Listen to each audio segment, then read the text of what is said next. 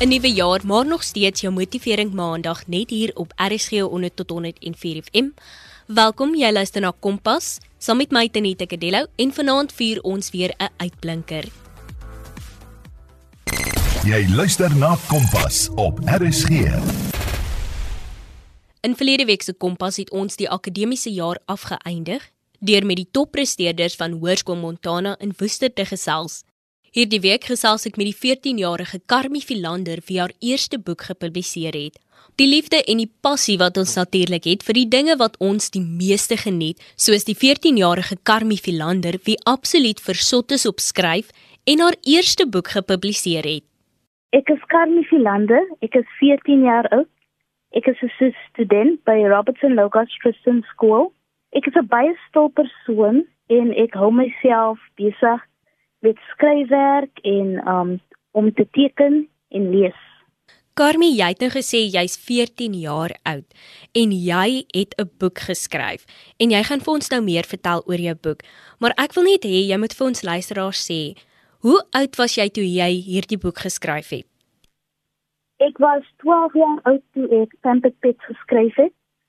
Temple Pits gaan oor um diere wat baie bederf is. Dit bestaan uit 25 stories en nou sê ek 14 jaar oud. Ek het net die boek verbeter en uh, dit 'n meer interessante storielyn gegee. En hoekom het jy besluit om spesifiek stories oor diere te skryf of om spesifiek hierdie boek te skryf? Ek is baie baie lief vir diere. Ek kan nie dit verdra as mense hulle seermaak nie of hulle um nie reg behandel nie. So ek wil net hê die boek moet dien as 'n stem vir diere want hulle kan nie self praat nie. So ek wil hê dit moet mense se oë oopmaak en besef dat men ag diere ook mense is. So dis hoekom ek die boek geskryf het. Carmi, ek weet dit is nou onverwags, maar wat is van die stories in die boek? Elke storie is ehm um, gaan oor 'n ander diertjie. Een van die stories is oor my hondjie Blessing, want hy is ook so bederf en hulle ehm um, vertel oor hulle lewens en hulle spoiled lives. Jy skryf met ander woorde vanuit die dier se perspektief en dis ongelooflik karmie. Ek sou graag ook net wil weet, waar kom hierdie passie vir skryf vandaan? Of wanneer het hierdie passie vir skryf begin? Ek het al van kleins af begin skryf. My eerste storieetjie wat ek geskryf het was in graad 2, maar dit was nie so goed nie. Ek het nooit gedink ek sou 'n skrywer word nie, want my passie vir skryf was nie so groot nie en ek wou nog altyd 'n kunstenaar word. Maar toe kom die idees net en ek het begin skryf en my um stories en my skryfwerk het beter en beter geword en toe begin die passie net vir skryf en skryf is in my bloed. En jy het vroeër ook genoem dat jy hou van teken en jy het nou weer gesê dat jy 'n kunstenaar wou word. Jy's vir my 'n baie kunstige mens en 'n baie kreatiewe mens en ek dink die twee werk veral goed saam. Ek wil ook net weet, spandeer jy nog baie tyd aan jou tekeninge? Ja, ek doen pencil art, dis waar my talent lê, maar ek het ook nog meer tyd gespandeer met skryfwerk. Ja, want dit is baie werk om 'n boek te publiseer, nê? Nee. Ja, baie werk. Maar dit moet ook tog baie exciting wees. Ja, ek geniet dit um, baie om te skryf. Carmi, dan wil ek weet, wat is van die uitdagings waarvoor jy te staan gekom het in jou lewe? Ek het um swaar groot geword. Ek kon nie alles skryf wat ek wou hê nie, want ek het nie my eie kamer nie of 'n uh, rekenaar waar ek my stories kan opskryf nie, want dis wat ek nodig gehad het. So jy het al hierdie stories het jy met 'n pen en bladsy geskryf? Ja, eerstens het ek dit gedoen en toe moes ek dit tik op my pa se rekenaar wat ook nie so goed werk nie, maar uiteindelik het ek dit klaar gekry. Jy luister nog steeds na Kompas op RSG 100 tot 104 FM saam met my Tenita Kadelo en ons vier vanaand die prestasies van Carmi Philander. Jy het dit uiteindelik klaar gekry en jy het uiteindelik jou boek gepubliseer. Hoe het jy gevoel toe jy daardie eerste kopie van jou boek sien? Ek was baie opgewonde, ek was gelukkig en ek was dankbaar vir die Here want hy het my gehelp met dit. En ek kon nie glo dat mense uiteindelik my boek kon lees nie. En wat was die reaksie van jou maale en die gemeenskap en die skool? Hulle was almal baie gelukkig. My ma en my pa het gehuil. Dit was 'n uh, exciting time. En ek dink daai opgewondenheid en daai gelukigheid is nog nie heeltemal weg nie. Ja, hulle kan ook nog steeds nie glo nie. Ek dink jy self kan dit ook nog nie glo nie. Ja. Karmi, wat is jou toekomsplanne? Sal jy nog boeke wil skryf of sal jy meer in die kunswêreld wil ingaan? Ja, ek wil nog steeds meer boeke skryf. Um, want ek het nog 'n klomp idees, maar kan nie alles op een klaar maak nie. Maar ek wil ook nog steeds 'n kunstenaar word. En Karmi vir interessantheidsondalwe, hoe balanseer jy jou skrywersloopbaan met jou akademiese loopbaan? Um ek het so 'n uh, schedule, ek moet my skoolwerk klaarmaak. Ek moet leer vir die eksamen, maar ek maak tyd vir al twee. Ek leer vir die eksamen en dan tik ek weer aan. Dag en nag, dis hoe dit gewerk het. Jy het 'n goeie tydsbestuur gehad en dit het jou ja. gehelp om jou boek in tyd klaar te kry en dan nog te slaag ook. Ja, ek was organized. Ja, en ek dink dit is 'n baie goeie ding om te hê. Jy moet georganiseerd kan wees en jy moet goed jou tyd kan bestuur om te verseker dat jy alles klaar kry en so jou doel bereik. Ja. So jou eerste jaar van graad 8 is ook verby. Hoe was jou eerste jaar van graad 8? Dit was um, baie exciting want ons het verander na ons ACE curriculum na CAPS curriculum. So dit was baie challenging maar ek het gewoon geraak aan die stelsel. En nou gaan jy alweer graad 9 toe. Waarna sien jy uit vir dit in 2021? Um kan nie wag um vir die nuwe juffrouens ookie en ook in 2021 wil ek nog aan my nuwe boek werk en aan my digbundels werk, eensaam met my ma en my eie een. Dis fantasties Karmie. Watter raad het jy vir ander jong mense wat dalk ook boeke wil skryf of in hierdie rigting in wil gaan? Ek wil vir al die jong mense sê dat hulle met hulle drome volg en dat hulle nooit moet opgee nie want soos 'n mens ouer word dan sterf mense drome uit en dan gloei nie meer nie so ek wil vir almal sê dat hulle hulle drome moet volg ook op 'n jong ouderdom. Dankie Karmie dat jy saamgekyer het en weer eens vir ons bewys het dat ouderdom nie 'n beperking op jou drome moet sit nie en dat jy nooit te jonk is om te begin nie. Jy luister na Kompas op RSG. Ons Kompaskuier is egter nog nie verby nie. Deur die loop van die maand gesels ek met 'n paar matrikulante om uit te vind hoe hulle die 2020 eindeksamen ondervind het. My eerste kuier skop af by Lisa, Ila en Sonja. Hoe was 2020 se eindeksamen vir julle?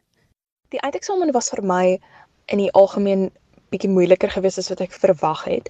Nie soseer die vraestelle nie, want my skool het my baie goed daarop voorberei, maar spesifiek as gevolg van die emosionele net soos onsekerheid en ehm um, die pandemie wat geheers het gedurende die tydperk. So die vraestelle wat natuurlik ook die hele tyd gelek het, het nie bygedra tot 'n baie aangename skryfervaring nie.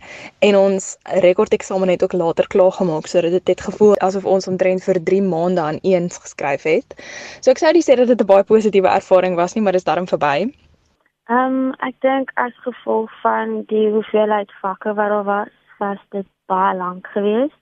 Uh, elke skool het bied net 'n sekere hoeveelheid vakke aan en jy's baie gewoond daaraan om net daai hoeveelheid te skryf uh, in die tydperk wat dit vat. Maar my rooster was baie lekker. Nie al my vakke was op mekaar gewees nie. die eindeksamen. Dit was in die begin stresvol geweest, maar hoe ver verloop van tyd was ek reg. Ek was goed voorberei so. Dit het goed gegaan. Ja, ek dink dit is soos Ila sê, Dit was 'n baie lang eksamen, maar gelukkig is dit nou verby. En ek wil by julle weet, wat was van die moeilikste vraestelle? Wiskundige lettertyd 2, ja, self 2. Ehm, es was my nou om my te self kan doen nie so. Self kan skryf. En dit is ook baie lank. Is uitputtend. Dit is 3 ure en ek kry ons nog 'n ekstra uur. So, baie uitputtend. Ek het nie 'n vraestel wat vir my die moeilikste was nie. Die skool het ons baie goed voorberei, veral in die Grendeltydperk deur om ou vraestelle uit te werk. So ons het soort van ehm um, geweet wat ons verwag, maar my probleem was dat party van die vakke het ek net nie genoeg tyd gehad om dit te voltooi nie. Verder sou ek sê dat die moeilikste vraestelle vir my beslis was, wel die heel eerste vraestel wat ek geskryf het, Engels huistaal vraestel 1 was vir my 'n absolute nag vir die vraestel gewees en wiskunde 2 was ook vir my redelik uitdagend geweest. En wat sal julle sê was van die lekkerste of maklikste vraestelle? Die maklikste vraestelle was dan vir my um, Afrikaans was vir my 'n redelike maklike vraestel gewees spesifiek Afrikaans.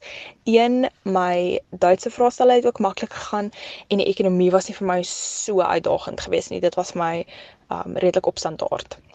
Ek het baie lekker geskryf aan my toerisme vraestel en ook aan my taalvraestelle. Ehm um, en dan omdat ek wel goed voorberei. Engels. Interessant. So Engels en toerisme is natuurlik jou gunsteling vakke neem ek aan. ja. Na die aflê van vraestelle kom natuurlik die lang wag. En vir julle is dit 'n ekstra lang wag want julle moet nou wag tot in Februarie vanjaar om julle uitslae te kry. Hoe voel julle oor die feit dat julle tot Februarie moet wag vir julle uitslae?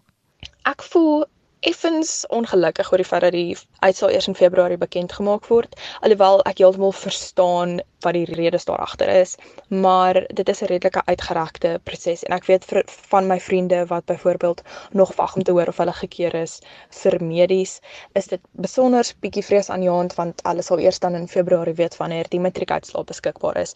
So ek voel nogals vir hulle. Ek voel eintlik opgewonde want die uitslag kom in my verjaarsdag maand.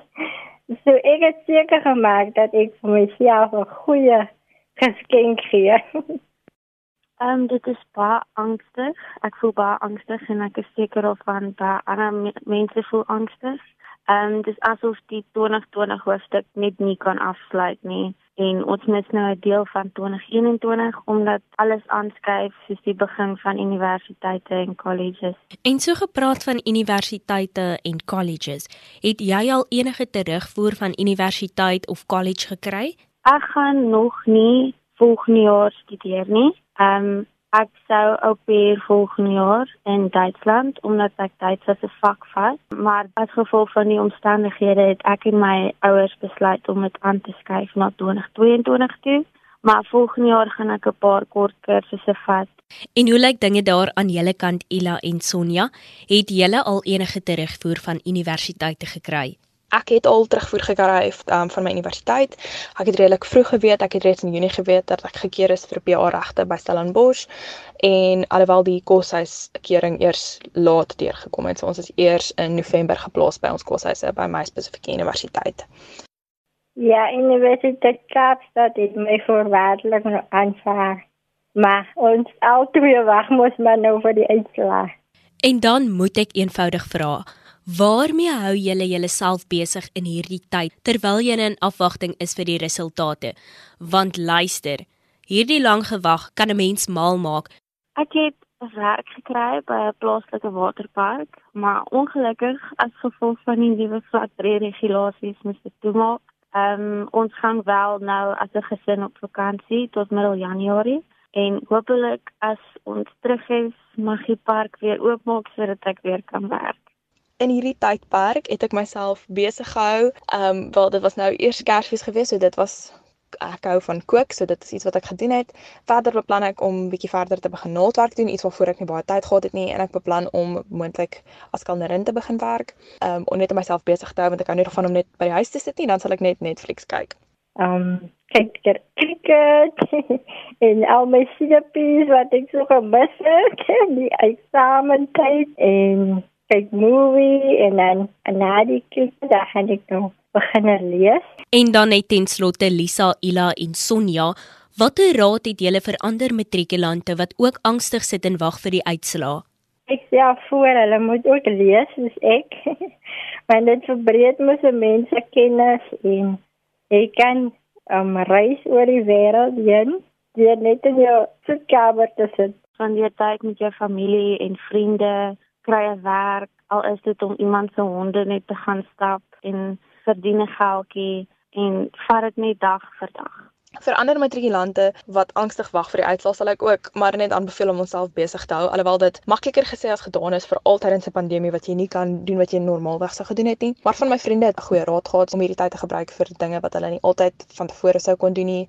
Byvoorbeeld om daai boekidee wat jy nog altyd gehad het neer te pen of dalk 'n uh, rekenaarspeletjie te code wat jy nog altyd wou gekode het of um daar's baie aanlyn kursusse beskikbaar om 'n vinnige kursus oor Excel ensovoorts te doen of jy kan dalk net hierdie geleentheid neem om 'n bietjie aan jouself te werk. Ek weet nie dalk 'n bietjie te oefen, maar dit hang natuurlik af van wat jy tot jou beskikking het en hoe jou huisomstandighede lyk. In die algemeen hou duim vas, ons sal dit ook duur maak net soos wat almal anders ook maar deur hierdie tyd moes gemaak het. Dit dit was 'n baie moeilike tyd en miskien het jy nodig om net 2 maande 'n bietjie te kan rou oor alles wat jy verloor het of die mense wat jy verloor het in 2020 um, om jouself genoegsaam voor te berei vir die lewe na hoërskool. Lisa, Sonja en Ila het beslis die resep gevind 'n besige brein laat jou minder top. Dankie Lisa, Ila en Sonja dat julle saam gekuier het en dankie aan ons luisteraars dat julle ingeskakel het. Onthou indien jy enige navrae of terugvoer van vanaand se program het, kan jy 'n SMS stuur na 45889 teen R1.50 per SMS of 'n e-pos na kedeloutz@sabc.co.za. En dit bring ons dan aan die einde van ons kompaskuier vir vanaand. Onthou Kompas word aan jou gebring in samewerking met SABC Opvoedkunde en ek en jy kuier en klets weer môre aand saam. Mag jou toekomsplanne in 2021 net so helder skyn. Tot môre aand van my Tenita Kadello. Doodles.